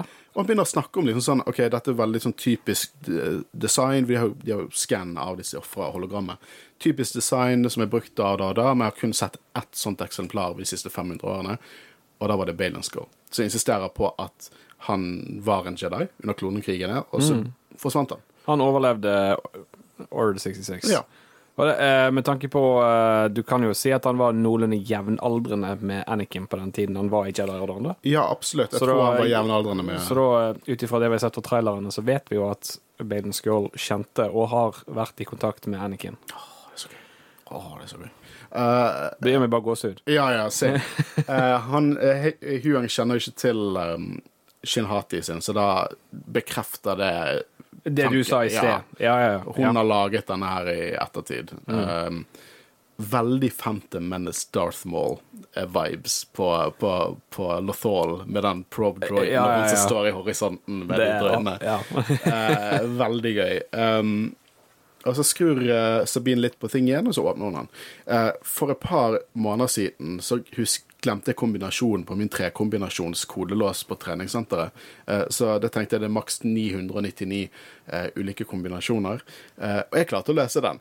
Så hvis den droiden ikke klarer Nei, jeg bare kødder. Jeg så litt For det var det første jeg tenkte. Skulle du skru på den tre ganger? Og så what? Og det åpnet den. Men jeg så litt nærmere på. Eh, det var betraktelig flere kombinasjoner enn som så. For det var sånn Alle disse hjulene er egentlig sånn delt i ulike kombinasjoner, så du kan skru ett hjul i tusen ulike kombinasjoner. Så litt som en rund Rubiks kube. Ja, veldig rund Rubiks kube. Absolutt god beskrivelse. Eh, så ja, og uansett om det var super-easy, så hadde det vært den sci-fi McGuffin-ting, liksom. Det Når jeg så det kartet, og når det åpnet seg Altså, jeg fikk litt sånne her eh, vibes fra sjørøverplaneten, Disney-filmen. Jeg tror det er en lytter som refererer til det også. Å, ja, ja, ok, ja, det jeg prøvde ikke å lese uh, lyttergreiene for mye. Sånn at vi Nei, men, eh, ja, det var veldig Nei, men jeg, husker både meg og Marie uh, når vi satt og så den. Liksom. Sjøvarmplaneten. Mm. Ja, men absolutt. Og, og jeg bare oh, shit. Er det en annen planet? Nei, annet univers? Nei, galakse, liksom. What the fuck? Det er wacky shit, altså. Jeg digger det. Uh, I all denne her greien så dukker jo eh, disse droidene opp, da. Eh, og jeg, eh, og jeg eh, begynner å ødelegge derfra. Før vi snakker mer om hele den actionsekvensen med på slutten av episoden, så har jeg lyst til å snakke litt om Asoka og Hera som har en liten samtale om Sabine. Og det her er liksom de der moderlige instinktene som jeg håpte på kom fram. Eh, helt klart mener at de to er mer like enn de skulle begge trodd. Og den der, hun er så, hun er så bøllete og vanskelig. Vel, hun er Mandalorian. Ja. så digger. Og det er jo her, her han nevner Asoka sin mester. Dette her er en clever filmgreie. For det, at, det er sikkert ikke alle som er klar over at, at Anakin var mesteren til Asoka. Star Wars besett sett av veldig mange folk, og det er ikke alle som gjør sånn som oss og ser absolutt alt. Nei. Så her klarte de på en ganske diskré måte å få inn det og bekrefte det. Og du merker jo at da blir, eh, blir eh, Asoka litt sånn stum. Seriøs. Sitter med Hera og liksom Sa jeg noe feil nå? Uh, ja, altså, du refererer jo til replikken uh, 'Anakin never get to finish my training'. Og det er jo her hun snakker om at liksom hun forlot Anakin, og nå forlot Sabine. Og den der 'sometimes even the right reasons has the wrong consequences'. Finnes det noe mer Asoka å si enn Nei. det? Uh, det er jo helt perfekt. Og det er mye anger og sånn, merker jeg. Eh, men hos uh, Asoka sin kåk er det full actionsekvens med de HK-droidene som grabber kartet, ødelegger beviset og stikker Uh, Eh, enda med at Sabine får vi skal snakke mer om men Sabine får en lightsaber gjennom brystet, så det var jo en gediger fuck-up at hun stjal kartet, og så klarte hun å åpne det til å gi det til fienden. Uh, jeg kan ikke akkurat blame Asoka for å bli litt pissed off, da. Uh, det var made a huge mistake moment, hvis jeg noen gang har sett det i Star Wars. Men en awesome lightsaber-duell. Virkelig kult. Den samurai-viben, hvordan de igniter det. Eh, de lightsaber-duellene vi har sett nå, om det bare er sånn smakebiter på det vi får senere, så er jeg veldig imponert. Um, Og man får litt den Mandalorian-viben med slåssingen til Sabine. Det er liksom ikke bare Hun, hun har liksom lightsaber, men hun har never og, og støvler og, og akrobat. Det er liksom veldig Mando-vibes på dette her. Jeg, jeg leste et eller annet om eh, at det var litt sånn eh, Hvorfor hun ikke hoppet ned med jetpacken sin, og eh, litt mer sånn Mandalorian-style. Men i og med at hun har vært padawan til uh, Asoka og på en måte lært uh, med lightsabers og alt dette, så er det kanskje litt meningen at hun lagt det litt fra seg. Mm, ja, og jeg tror at det er smertefullt for henne å ta på seg de. Ja. Og en Kan folk slutte med sånne praktiske spørsmål? Jo, Ok, La oss se på det praktiske. Hvis du absolutt skal ha den kritikken med sånn, hvorfor brukte ikke hun jetpacken. Her har du en person som løper med et kart ned en heis. Vet du hvor lang tid det tar å ta på seg en jetpack? Ikke bare ryggsekk. Nei. Det er jo en hel deal. Mm. Personlig som går på halvveis over galaksen før hun har kommet seg ned derifra. Så det er litt sånn Who cares? Og det samme der. Jeg har sett folk er sånn uh, Quaigon ble stukket i brystet. Hvorfor overlevde ikke han? Det, det er som å si sånn eh, Denne personen ble skutt og overlevde. Men det gir ikke mening, for jeg kjenner jeg som ble skutt og døde. Det er liksom Det doesn't make sense in vårt univers, eller der deres univers, at det skal liksom være gående regler. Jeg har, jeg har ikke ønsket at det skal være oh, du- det, det, ah, Nei, jeg bare jeg ser frustrasjonen i Håkons øyne. Ja, men jeg syns det er så stupid. Ja. Det er så dumt. Det er så dumt. Det er så dumt. Men uh, let's forget that. Uh, Ja, beklager hvis jeg er for, fornærmet for nå, nå. eh, nå er jo hun kommet ned uh, og ser uh, Shin Shin. Ja. uh, Du kunne hun, Balen Skull, men til neste uke kan du øve litt på Shin jeg skal øve mer på navn. Jeg lover. Jeg ikke glem det andre når du øver Men på eh, det hun igniter jo uh, Ezra sin lightsaber, Mm. eh, som vi senere finner ut at hun har modifisert. Yes. Ja. ehm, og hvis du ser hvordan hun holder den i starten Dette her gjorde jeg når vi hadde den Kenobi-episoden vår òg. For det er så bra. For at du, har, du kan dette sikkert bedre, for du har nylig sett Rebels, men hun lærte jo litt av uh, Astra òg. Mm. Og da holder du ham på den måten som Astra lærte nå Det er definitivt eh, med meningen, i så fall. Ja. Uh, det, men det er så gøy at Dave Filoni får lage dette her, for det, Mm. det er så utrolig tro til de minste tingene til Rebels. Uh, ja. Så- Og så legger du merke til under fighten at jeg føler liksom at Skinn Ja, Skinn. Skinn. ehm, uh, leker litt med henne. Ja, som alle Dark Side Users nesten normalhet. Uh, men eh, det var utrolig kult. Uh, ender jo med at hun ligger på bakken og basically døende. Så her, kom, her at- kommer mitt spørsmål. Uh, når du ble truffet av en lightsaber uh, jeg, jeg bare Skal du begynne med dette her nå? Nei, men jeg, jeg, nei, bare lurer. ja, Sant? Fyr løs. Ja, hun ble stabbet. Ja. Altså Å, hvorfor er jeg så dårlig på navn? Hun fra Kenobi. Eh, Reva. Ja, hun overlevde. Ja. Mye pga. hatet sitt, sånn Ja. sett. Men eh, liksom, når du stabber noen med lightsaber, mm. hva skal til for at du skal dø? Det kommer vel an på hvor du treffer. Akkurat Ja, som hvis du du, blir Akkurat som dem du nevnte med en kule. Det kommer jo an på om det treffer vitale organer og alt mulig sånn. Det er derfor jeg Så hater den Det var ganske på siden, så kanskje bare Ja, skal vi plassere de liksom i, og ta infrarød, liksom? Jeg skjønner ikke hva røntgen av disse karakterene. Jeg skjønner ikke det, liksom. Er det bare no go å bli stukket i magen fra nå av fordi at andre har dødd av det? det? det- Det er liksom Ja, OK, jeg skal ikke Men hun er en Mandalorian. Har du prøvd å stikke ned en Mandalorian? Nei, ikke så lett, det. Til og med når hun blir stukket, så fortsetter hun å kjempe og, og kaste den lightsaveren rundt seg vilt, som jeg syns var en kul liten eh, detalj. Hun er, hun er en badass. Sabine er min favorittkarakter fra Rebels, og jeg elsker at hun har en så stor rolle her. Eh, og så dukket det, som sagt, For a Friend Ray opp, og det Ja, tårer i øyet. Uh, utrolig trist uh, at vi mistet han. Og jeg var stor fan av han også lenge før denne serien, så det, ja. Men uh, jeg, synes, jeg håper han fikk sett dette. Jeg vil nå tro at han har fått sett det, ja. Ja, For de var nok i, godt i post-production før han døde. Og jeg, jeg ser det, som gjør meg veldig lykkelig og glad, og får meg litt sånn ny håp for fandomen, er at folk digger karakteren hans. Ja, ja, ja han er konge. Ja, Ja. ja. Eh, og det, det, det gjør meg lykkelig og glad. ass. Mm. Men det var første episode. Jeg tenker Vi kan snakke Vi kan ta et par ord. da. Hva synes du om første episode? Solid åpning. Mm. Absolutt. Og uh, akkurat som jeg sa innledningsvis, jeg syns Dave Filoni uh, Det var nesten sånn jeg ble litt overraska når det sto 'Directed by Dave Filoni'. Jeg tenkte sånn Wow, OK, ja, nå, eh, nå skjer det ting. Nå eh, gjorde det veldig bra, syns jeg. Mm. Ja, jeg syns, det, jeg syns han har virkelig utviklet seg. Vi har sett liksom litt av han fra hver, hver serie, og jeg syns virkelig han har utviklet seg. Klart det, noe av det beste regissert han har laget. Um, jeg, jeg, jeg vet ikke om jeg vil si at den beste åpningen på noe, men jeg syns fortsatt det var dritbra, liksom. Det var det vi trengte. Det var det vi trengte. Og, og det var en fin sånn mellomting fra å på en måte recappe også Rebels-fans eh, med de som eh, for en eller annen merkelig grunn ikke har sett den fantastiske Star Wars-serien Star Wars Rebels. Eh, det var en god mellombalanse der.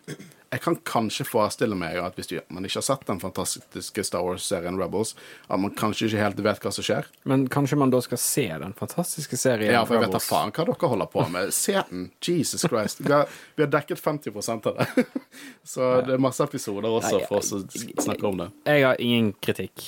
Nei. Jeg digget det. Og det er vel fordi at eh, i likhet med dere to, så er Rebels er fantastisk. Men vet du hva, vi er ikke anmeldere.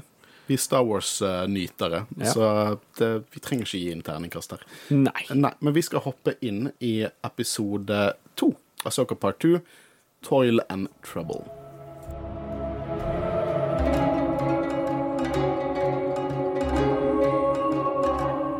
Eh, Så denne episoden eh, Vi får inntrykk av at Asoka er mildt irritert. Hun har ganske god grunn, da. Jeg syns hun dealet med deg relativt godt. Hun var kanskje litt passiv-aggressiv. Uh, Jeg vil you påstå, done enough. jeg vil nok påstå at eh, hun burde sett det komme. Det er Sabine, liksom. ja. Ja, det var nesten sånn jeg liksom forventa at det var bevisst. Ja, ja, ja. Eh, det kan jo godt hende at det var litt bevisst òg. Eh, Jeg tror hun lot hun ta det, og, og liksom håpte på liksom, Testet hun litt, og så gikk det ikke helt som planlagt. Eh, jeg tror Sabine fucket opp dyrisk her. hvis det ikke hadde vært for Shinhati, så hadde det jo vært en veldig god løsning på det. Ja, ja. Fordi Sabine fikk det jo faktisk det. Men if, hvis if, ifs and buts were candy and nuts, something, something Ja, uh, det. Nei, jeg tror det Close bom... but not no cigar. Ja. uh, vi får jo se litt hva disse her uh, eh, bad guysa holder på med. Eh, det er altså Sitos i Dinab-systemet. Nye steder. Gamle ruiner. Eh, og det viser seg at dette Star-mappet kanskje er noe mer enn bare et kart. Eller er dette en, var dette bare en måte å vise kartet i sin storhet, på en måte? Ja, jeg tolker det sånn fordi eh, For brukte jo Night Sister Magic på det litt senere i episoden. Ja. eh, hinter du til at dette også på en måte en slags portal, eller noe sånt? Eller? Ikke. Fordi vi ser jo også senere det de bygger, en sånn svær hyperspace-ring. Ja, for hvorfor lette de etter akkurat det stedet? Hvis Sabine klarte å åpne den whenever. Så det må jo være noe mer spesielt med det stedet enn bare at de Sikkert bare enda et sånn uh, Nice Sister Stronghold, Mm. og at det var en måte å liksom vise kartet i stort, og på en måte få Kanskje det ikke viste alt når du bare så det, Og så vet vi ikke helt hva den Eye of Zion gjør heller. Um, som de driver og bygger, om det er der de må Det er her de klarer å finne pathwayen til der de skal. Uh, vi ser også noe, noe så vidt i skyene. Å, Hvaler. Var det, var, var det Space Whales? Det må- det det det var min første tanke. Det må være det, fordi senere, når du faktisk ser kartet i sin helhet, uh, så ser du jo masse sånne symboler rundt den galaksen, og da ser du jo sånne gamle symboler av Purgles. Eh, så det Hør på gutten som sier det faktiske canon-navnet til livet. Så det jeg føler um, at det må bety, er at liksom grunnen til at de, de vet hvor Thrawn er, at de på en måte kan bruke det kartet, det må jo være noe at Purgles, som kan reise uh, i hyperspace og sånn, de må òg på en eller annen måte kunne reise mellom galakser. Kanskje det er der de opprinnelig kommer fra, og at det på en måte var der de dro eh, Kanskje det var liksom Men- at de, Vi ser jo at de eh, i Rebels så reiser de jo akkurat som sånn migrating, akkurat som fugler. Mm. Kanskje de på en måte at det er bare et sted de drar til vanligvis, og tilfeldigvis Jeg tok elsker Men- men, spankuleringen din, Håvard. Jeg er stolt av deg. Men, men er det sånn Pergol og hyperspace eh, Er det en connection om hvordan eh, hyperspace har liksom blitt en ting i universet? Uh, Visstnok så var det Pergil som folk først fant ut av det uh, back in the day, liksom. Mm. Uh, men det er fortsatt litt mysterium hvordan de er connected til hyperspace. Bare at vi, folk vet at de er det. Ja, men er det liksom der de på en måte har hentet seg teknologien hyperspace fra? Ja, det har vært hintet i noen referansebøker at det er der de på en måte først fant ut av Det Det er liksom det foundation, Men- ja, og hvordan de lærte, liksom. Ja, eh, men noe videre utdyping tror jeg ikke det. Nå er jo ikke jeg veldig well versed på High Republic, men jeg mener noen av de går litt inn på akkurat dette her. Ok, Ja, for det er jo litt kult. Det er veldig kult. Ja. Uh, altså, syns jeg det òg er kjempegøy, når, altså Purgles eh, Når vi òg ser de i Mando sesong tre. Og liksom at de nå kommer sånn, Jeg, jeg syns det er gøy med litt sånne referanser. jeg syns det er superspooky, ass. Det er full hval i, i skyene. Det er dritskummelt. Eh, Store ting i havet skremmer meg nok. Store ting i himmelen uh, de, de bygger jo en uh, hypedrive som er større enn Ja, fordi de bruker cores som Ja. er egentlig fra Superstar Destroyers, og så lager de denne Eye of Zion-greiene. For disse Purglesene kan tydeligvis reise større distanser enn det Det vil jeg tro, ja. Ja. Eh, Men jeg tenker vi kan bare fortsette litt med, med bad, For litt senere i episoden så kommer hele crewet med bad guys til, eh, til denne her eh, Denab-systemet. Ja. Og da får vi se Night Sister Magic for første gang i live action. Og det er pretty dope. De grønne flammene. Hvem skulle tro at noen grønne flammer gjorde meg så hypet? Uh, og jeg er veldig glad for at hun er Night Sister. Jeg er veldig glad for at det ikke bare er en fun fact om en sidekarakter som dukket opp i en episode, at de faktisk utdyper det og gjør det til noe fast. er veldig kult. Visstnok så tilhørte dette en gammel rase fra en annen galakse. Så destinasjonen deres er en annen galakse. Og det Er er der hun mener hun skal finne Thrawn. Leste litt om at det kunne være, i og med at vi refererte det i Endor, noe har, har med å gjøre med de Racatten Empire. Captain Empire. Jeg vet ikke om om det er noe stemme, men jeg tenkte kanskje du hadde litt mer uh, Vi, det var ikke spekulasjoner å Jeg tror ikke det var sånn i Legends i det hele tatt, men det er Legends for a reason, liksom. Det er ganske blankt lerret hva Rakatan Empire kan være i New Canon, om de opprinnelig kom fra, fra en annen galakse. Men hvis det er på en måte noe du kan spekulere i, så er det litt artig at de på en måte har Altså, da, det, eh, da er det en slags mening bak at de har referert til det i Endor-serien. Ja, jeg hadde ikke hatet det. Eh, hun mener jo at de skal finne det. De sier det er en pathway to Peridia. Eh, Noe som også var gamle barnefortellinger fra Jedi-tempelet. Og Morgan mener jo dette er ekte. Hun sier sånn der Oi, som, som truth in mitt Hun skulle sagt in legends, ass. Hvorfor sa hun ikke det? Eh, og hun hevder Thrawn snakker til henne gjennom tid og space. Men mm, det hørtes det ut som Thrawn? Er dette noe mer sinister? Det hørtes litt shady ut. Det hørtes, hørtes ikke så liksom, Thorne er en praktisk, praktisk mann. Dette her var veldig mystisk og, og Sauron i, oss. Uh, så jeg, ikke, jeg er ikke helt overbevist om at det faktisk er Thrawn hun hørte der. Uh, jeg skal ikke si hva jeg tror det er, for jeg vet ikke hva jeg tror ennå. Men det, det er gøy med noen nye Star Wars-spørsmålstegn, tenker nå jeg. Um, de skal sende Maruk.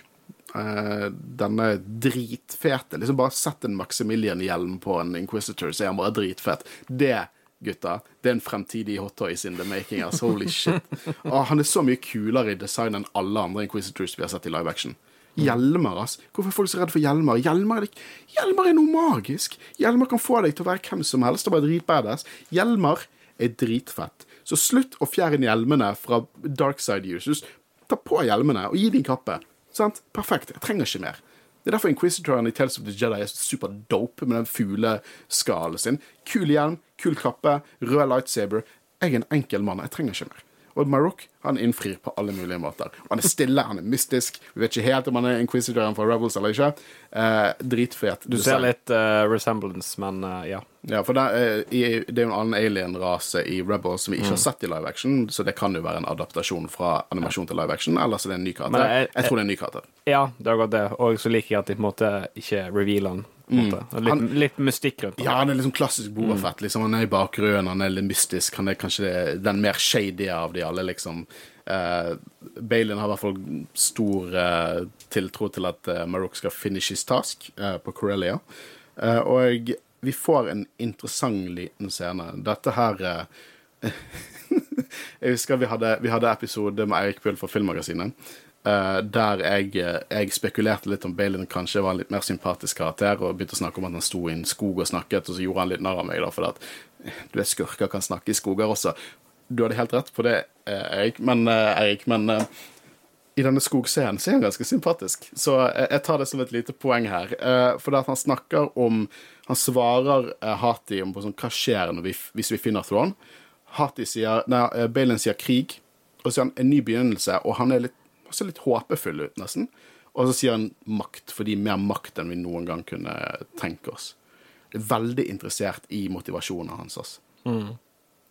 Men uh, han sender nå uh, Shin til, uh, til Corellia, der også Hera og Asoka har en lite sånn team-up fordi at de har fått tak i den ekstra droidehodet til, som Sabine kverket kvelden før.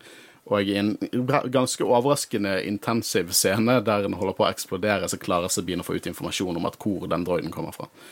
Um, og så et utrolig fint lite øyeblikk der, der Hera på en måte er liksom Big Mama og sier til Sabine at 'you did good'.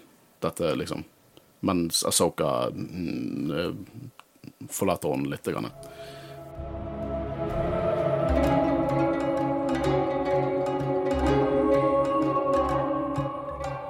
Så Corellia-gutter ser betraktelig bedre ut enn det gjorde i Solo. Litt renere ut. Som de, det ser ikke ut som det er et helvete å bo i. Det Kanskje vi egentlig bare var- mm -hmm. Ja, det er det som skjer når Empire går vekk. Akkurat som på Lothalong. Log. Ser mye finere ut. Get rid of the bad stuff. Men um, eh, kanskje vi òg var på de litt mer eh, mørke gatene. Eh, definitivt. Eh, men jeg tror, ikke, jeg, tror, jeg tror også det prøver å være litt sånn som Håvard sier med Lothal. For vi har sett større deler av Corellia i, i animasjon og sånn før, og, og også i Bad Batch, og det ser betraktelig verre ut under The Empire. Eh, litt bedre nå. Ser litt mer De fikser det opp fra eh, etter The Bad Guys. Ja, det er jo diskuterbart, da. Eh, men eh, nå eh, får jo vi en sånn eh, Hva heter han? Formann? Uh, Min Weaver. Yes, Spilt prøve- av Jeg husker ikke hva karakteren heter, men jeg kjente han godt. Det er han fra House! Er det han fra House? Det er han fra House. Jeg, jeg sa nettopp karakteren. Min Weaver. Ja, karakteren, ja. ja. Nei, nei, det var, det var kult å se han i noe annet enn House, for jeg har ikke sett noe annet enn House. Ja, det er så lenge siden jeg har sett House, men uh, vi får se Chopper i bakgrunnen Yay. i live action, som bare teaser opp en av de beste Star Wars-scenene ever. Sånn noensinne, som kommer senere i episoden. Eh, men de viser det i fabrikken, da damene spiller litt hardball her og, og kommer seg inn her. Eh, og det Jeg er liker at han, han vil jo egentlig ikke slippe det inn, og så Hera liksom bare sier Jeg er general, jeg kan gjøre dette mye mer offisielt. Jeg har den høyeste clearancen du får. Ja, eh, veldig gøy. Jeg syns Hera er bare dritfett. Og, og ja, som sagt, spilt kjempebra her. Eh, de sier det at det er masse ex-Imperial Workers, noe som Hera gjør litt sånn Hun blir sketchy på det. Eh, her er vi også for den der scenen med Not Ready, som Håvard refererte tidligere. Men det er litt den der sånn OK, så hun bare Er du ikke bekymret for hvor lojal de er? Men så litt sånn Hvor stort var det Empire? Sånn Hera? Er ikke det litt sånn ignorant og ikke forvente at noen av de kanskje kommer til å jobbe for New Republic. Nå viser det seg at akkurat disse ex-imperialsene ikke var så gode der, men Men òg litt det han sier, på en måte, at eh, ja, det går ikke fra en repu nei, en, et empire til en republikk over natten, og for å få ting til å gå, så må vi jo bruke det. Og den vanlige arbeideren bryr seg ikke om politikk. De vil bare tjene penger. mm. jeg liker alltid sånne, sånne, sånne elementer i Star Wars. Likte også veldig godt når han sa at liksom, ja, jeg er en businessmann, jeg er lo lojal til investorene mine. Og så har han en sånn liten New Republic-pinn, en sånn bitte liten pinn bare for å understreke ja, jeg er med New Republic.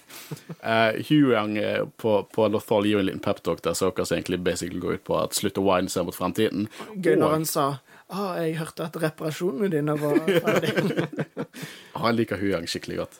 Eh, og når hun sier 'Å, jeg har glemt hvor irriterende du er', så sier han 'logical'. Eh, men vi får jo litt innsikt i dette her med The Force, da. At eh, hun har bitte litt The Force. Bitte litt. Men såpass lite at han har ikke vært borti en Padawan som har mindre Force abilities enn hun har. Og han har vært gjennom jævlig mange Padawans. Um, som er litt interessant, for jeg, jeg, Guro disk, eh, diskuterte litt med meg om kanskje hun har liksom For det at i teorien så har alle potensialet til å utvikle seg force powers. Det er bare noen som ikke klarer å åpne seg selv for det. Men kanskje hun er litt mer åpen for det enn den alminnelige personen. Og det beste her er at hun har ikke bare force powers off screen.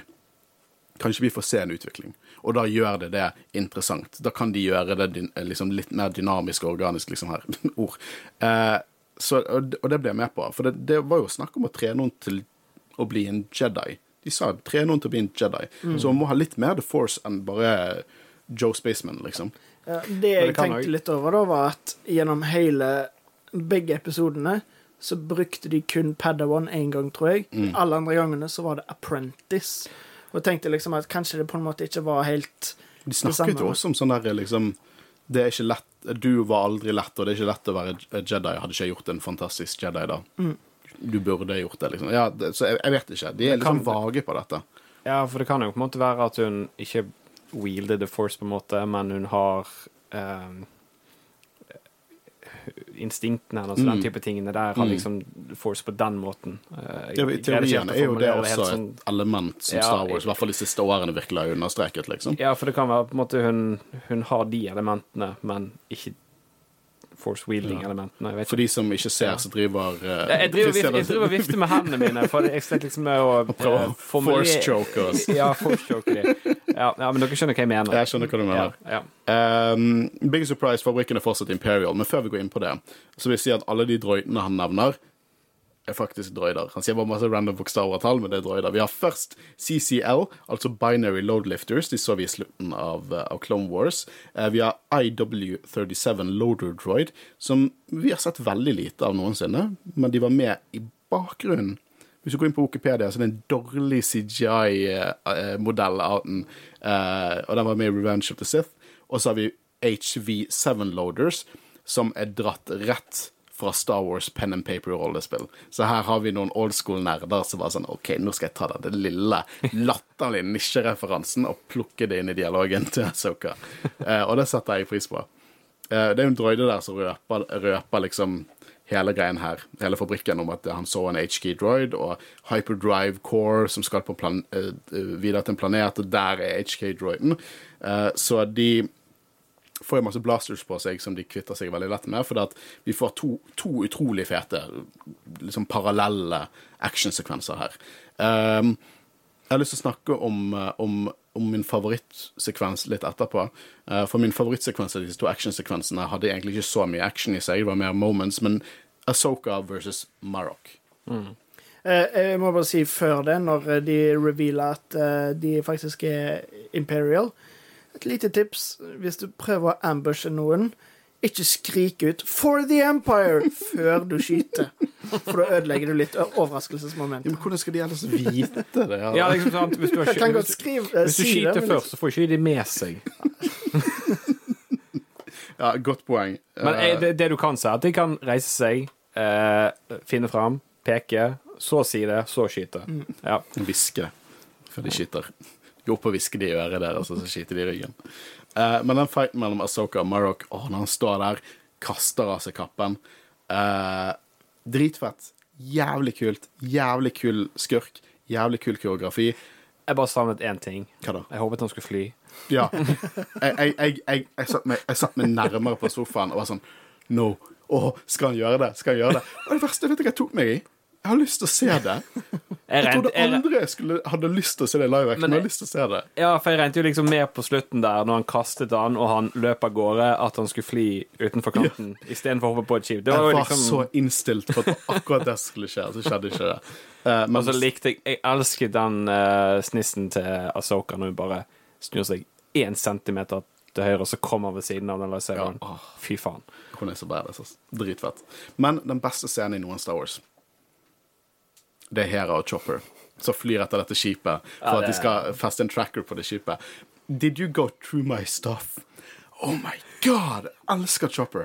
Det er så jævlig bra. Holy shit, det er Etter å ha sett så mye Rebels òg, så jeg har begynt å forstå han òg. Jeg hører hva han sier. Nei, Found jeg, it! jeg digger den scenen. Altså oppi Du ser jo at han driver og flikker med disse tingene som ligger der. der. Eh, eh, To av de tingene som ligger der, i hvert fall én, er jo legodeler. Det er så jævlig, det gir ingen Det mening det at han har en sånn roteskuff der alt bare er oppi der mens de flyr dritfest og dodger. Mm. Jeg bryr meg ikke. Det er så jævlig bra.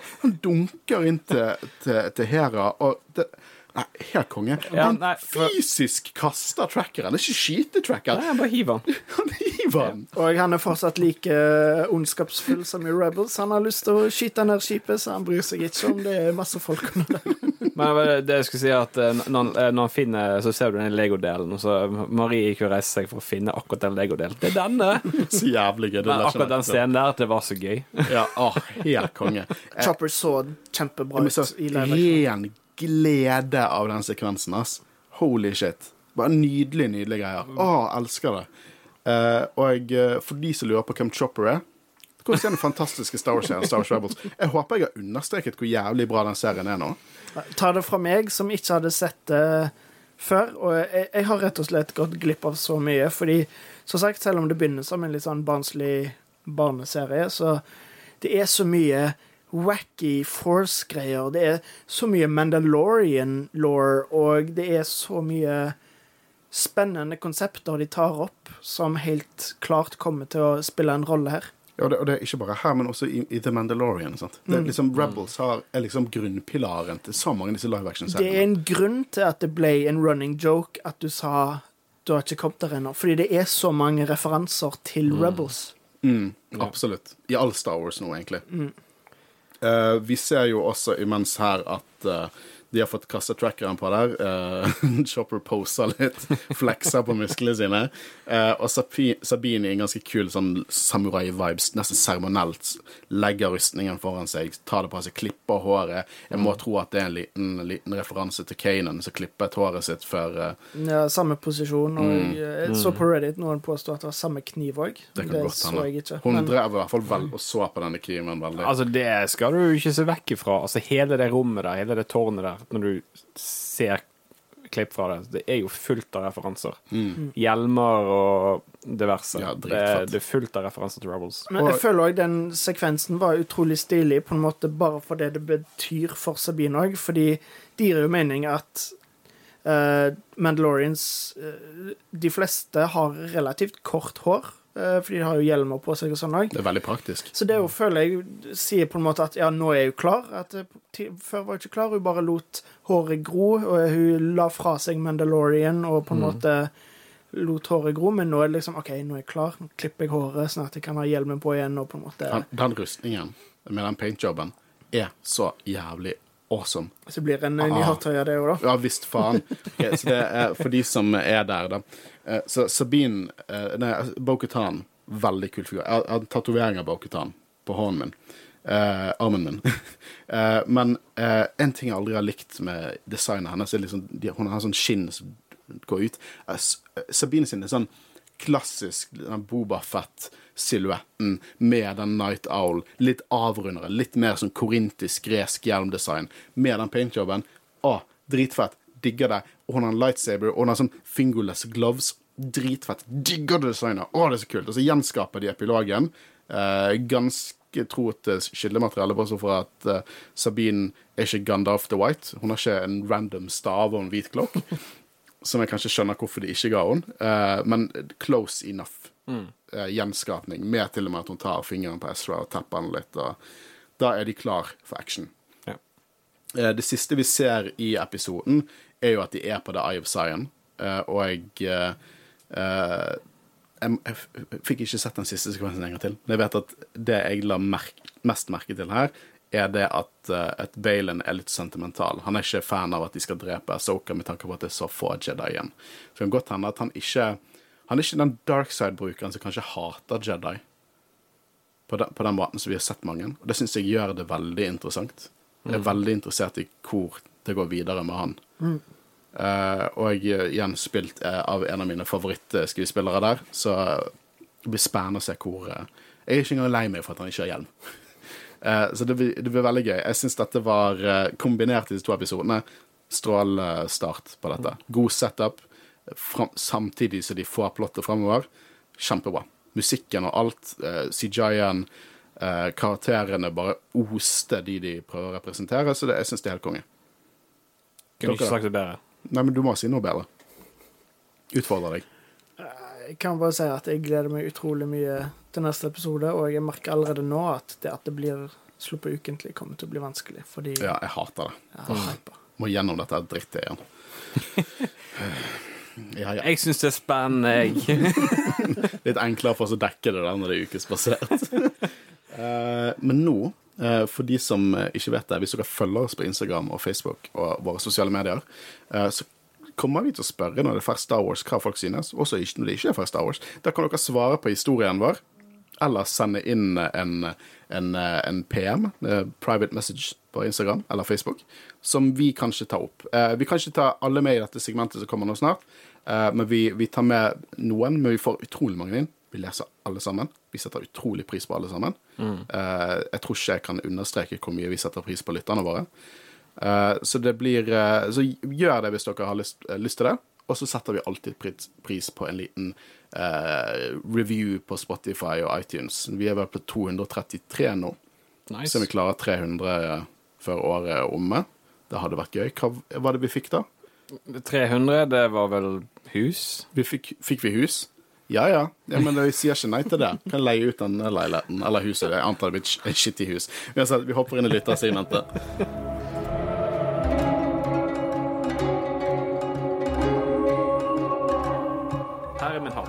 Det beste Disney har levert av Star Wars? For en casting, for en stemning, for en story. Sett begge to episodene to ganger nå. Blir en tredje gang nå i kveld også. Absolutt nydelig cinematisk. Lightsabers battles. Utropstegn, utropstegn, altså stort hjerte. Jeg kan ikke si at jeg er uenig. Nei, ikke i det hele tatt. Eh, knallbra så langt. Mesterlig live action-adopsjon av Rebels. Gleder meg til fortsettelsen. Ja. er det som jeg er veldig fornøyd med her, er at, at eh, jeg har ikke peiling på hvor det går. Jeg digger det. For det, det er så typisk å bare vite hvor det går.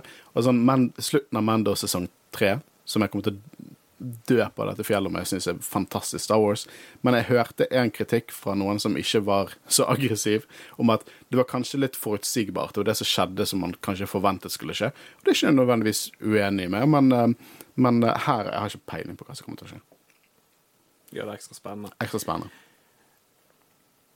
E6 slås. Hvorfor kunne det ikke vært litt mer trafikk der? Det er jo et godt poeng. Uh, det, hvor ofte er det trafikk der i, i Rebels? da? Jeg tenkte det bare, ja ja, den veien blir jævlig lite brukt. Man bare slutter jo rett før du kommer til det tårnet, så det er ikke akkurat så mye trafikk ut der heller. Den private veien til Sabine og Ezra, liksom. Uh, ellers to gøye episoder, skriver samme person på slutten. Og boy, dette blir spennende. Ser allerede visually 100 ganger bedre ut og mer proft ut enn Kenobi. Ja, og la, vet du hva, jeg har litt lyst til å snakke litt om det. For at, eh, jeg synes at Kenobi hadde visuelt noen problemer. Det snakket vi om. Jeg elsker Kenobi, men det er visuelt noen problemer. Og det tror jeg for det meste er covid sin skyld. ass. Eh, de, gjorde nok, de gjorde nok det de klarte å gjøre. Eh, og jeg, eh, jeg føler nesten at det er å respektere litt. Grann, Eh, absolutt. Shaky cam uh, kan dø, men uh, liksom Ja. Fantastisk så langt. Balen er utrolig interessant. War Criminal Chopper is back. Ja, ja. Vår murderbot, beste drøyten noen gang laget til Star Wars. Uh, han ble jo først introdusert i den fantastiske Star Wars-serien Star Wars Rebels, som er veldig verdt å gå og se. Uh, jeg kan jo hoppe på minna. Jeg har en litt lengre en. Hei, Jedi-rådet, en Star Wars-podkast. To ting. Først tempo. Det går altså så sakte. Fem minutter med dataspillpuzzle for å finne en boccia-kule. Bocca-kule. Å nei, jeg glemte hvordan jeg uttaler det. Jeg fikk kjempemye mobbing. Boccia, heter det boccia? Boccia. Bocchi. Bocca. Å nei, boccia-kule. Å, jeg kommer til å få kjempemye mobbing fra noen visse lyttere. Dere vet hvem dere er. Jeg pakket inn i en Løfberg-lilla. Eh, og så liker jeg ikke hvordan Asoka er fremstilt. Hun er humorløs, doserende og rar. Kjenner henne ikke igjen. Men kult at Morgan Elspeth er en Night Sister. Eh, håper det blir litt zombie-action. Dynamikken mellom Baylon og Shin er også gøy. Likte kommentaren om at det ville være synd å drepe Asoka. En mørk fallen ex-Jedi med en apprentice som i praksis blir en slags Sith Padawan? Spørsmålstegn. En Inquisitor og en Night Sister. Snodig gjeng. Tipper på eh, Tipper det blir litt lojalitetsutfordringer. Marok er også veldig interessant. Lurer på hvem han er. PS Asoka, Dodge Badassery, Pontus Pilatus, Pikachu og Ponkrell. Det er kult med litt Jedi-shit igjen. Uh, ja, jeg, jeg, eh, jeg setter alltid pris på dine meldinger. Jeg elsker outroene dine.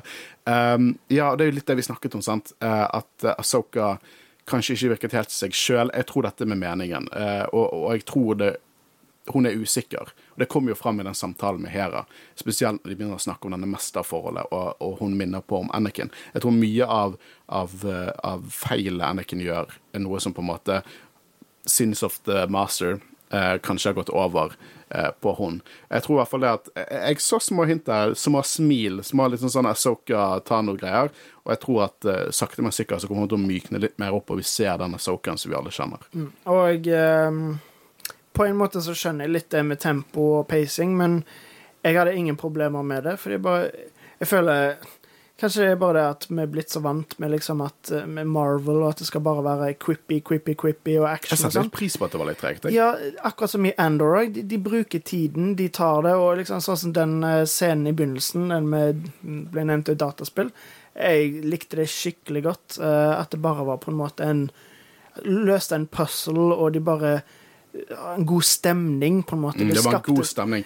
Eh, så jeg har ingenting imot det. Jeg føler kanskje Jeg har lest litt at folk klagde litt på dialogen og alt mulig sånn, og at, eh, at, at det var mellomrom i i eh, liksom måten de snakket på, men jeg føler òg det gjorde det bare litt naturlig. At de har opplevd mye sammen og, og alt mulig sånn, så personlig hadde jeg Norske kunstpauser, altså. Personlig hadde jeg ingenting imot pacingen. Jeg likte det veldig godt. Hvis hele serien blir sånn, kanskje ja, det blir litt feil, men igjen, det var en veldig Det var en introduksjon. Mm. Eh, så jeg følte det var veldig passende. Jeg skjønner hvor litt den kommer fra, uh, absolutt. Men jeg, jeg eh, det, det var en setup-episode. Det var to setup-episoder. Eh, og jeg har hørt flere har sagt at det var litt tregt. Jeg satte litt pris på det. Jeg satte veldig pris på det, Spesielt pga. jeg tror egentlig min, min glede over den fantastiske Star Wars-serien Star Wars Rebels. Uh, så var det liksom Det var som å møte noen gode venner igjen. Det var, det, det var følelsen min. Gode venner som du ikke har sett på en stund, og så møter de igjen, og tonen liksom Man er litt redd for har ikke man den tonen man pleide å ha, men så bare kommer du rett inn i det. Det var, det, det var min følelse av å se uh, disse to episodene av Soka. Men Håvard, har ikke du noen, du òg? Har jeg Not to be that guy, men å la en mann kalle prøve å arrestere noen, for ikke snakke om bare å bruke en blaster, som er, er som å gi en hund en pistol. Fyren har ikke fingre. Hvordan skal han kunne trekke av eller feste om? De ber jo om trøbbel. Og det blir kult å se om Asoka kommer frem til sjørøverplaneten, nå som hun har kartet rippa rett ut fra 2002s sjørøverplanet. Yes. Det er godt at flere tok den. Jeg vet, eh, jeg, jeg synes det var helt fantastisk eh, å se disse to episodene, og så henge seg opp i denne Moncalaen som prøver å arrestere disse, disse quote jediene. Jeg syns det er fantastisk. Litt sånn hverdagsrasisme mot Moncala, altså. Jeg er ikke uenig. Neste kommentar er Likte ikke at Asoka bare trasha tempelet med lyssablene. Null respekt for arkeologi. Ja, hva har du å si om det? Ja, Reagerte du si det? du på, på dette? Jeg er mer irritert over de der droidene som sprengte alt. Det er en historie her. Det er et flott tempel. Noen ganger så må de jo ofre litt, eh, kanskje. Og når Asoka tok med seg denne, denne orben, tenkte du, ropte du 'It belongs in a museum'? For de som ikke er klar over det, ikke har hørt vår Indiana Jones-episode, så er Håvard nyutdannet arkeolog. Han, jeg har faktisk ikke sett hodebunnen hans, til Manfidora der siden han leverte masteren sin, så det var derfor denne her føltes litt rettet mot deg, da. Nei eh, det, det var jo ikke en skikkelig inngang der, så eh, det går greit denne gangen, Altså, kan vi bare ikke gjøre det igjen. Eh, Jeg så at vi tilfeldigvis fikk inn en, en, en, en ny en nå. ehm, som jeg tenker vi kan bare ta på rappen her.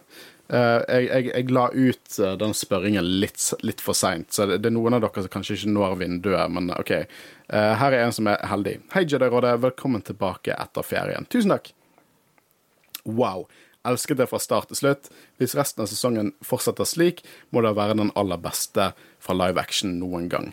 Så mye å ta tak i her. Elsker soundtracket, spesielt i de rolige scenene gir det ekstremt mye stemning. Castingen treffer bra, spesielt Sabine er spot on. Liker at de viser at ikke alle har taklet det like bra etter Rebels-avslutningen. Sabine sine traumer gir enda mer dybde til karakteren. Visuelt slående. Mye lekre detaljer overalt. Digger Sabine slash Ezras hjelme med alle detaljene fra Rebels. Eh, eh, linken til Rebels føles sterk. Elspeth ble brått mer interessant karakter med sitt slektskap til The Night Sisters. Likte også Baylon Skull sin karakter mye mer enn en skulle nevnt, men lik, eh, ikke like lett å sitere alle inntrykkene etter 1 time og 40 minutter. Kan ikke vente på fortsettelsen og deres episode. Tusen takk for det, og du deler nok hva våre inntrykk, vil jeg si. Eh, og for dere som eh, vi ikke har fått inn ennå, vi kommer til å lese de. Dessverre kan vi ikke dekke alt. Eh, da hadde vi sikkert sittet her en time til, men det, det er sikkert noen av dere som ikke har hatt så mye imot det. Uh, men igjen, tusen takk alle sendt inn. Vi setter utrolig mye pris på det, enten dere likte episoden eller ikke likte episoden. Vi har faktisk uh, noen av de beste lytterne, fordi at dere er konstruktive, dere er hyggelige, og dere har lyst på denne gode diskusjonen. Og dere er respektfulle. Så jeg, jeg bare Tusen takk til alle dere lyttere. Vi hadde ikke kommet tilbake igjen så hypet for å diskutere Soka hvis det ikke var for dere. Så tusen takk til dere, og vi ser fram til mange uker nå med Soka-dekking og interaksjon med dere lyttere. Så bare keep them coming. Send oss. Det trenger ikke å være relevant til eh, en episode som er ute. Hvis dere stiller noen spørsmål, hva enn det er, bare send inn. Vi elsker å snakke med dere. Eh, men uansett, det var, vel, eh, det var vel vår første episode av Soka-dekningen. Det blir nok av oss fremover. Tenker vi runder av her. Mitt navn er i hvert fall Håkon Øren. Jeg har sittet sammen med?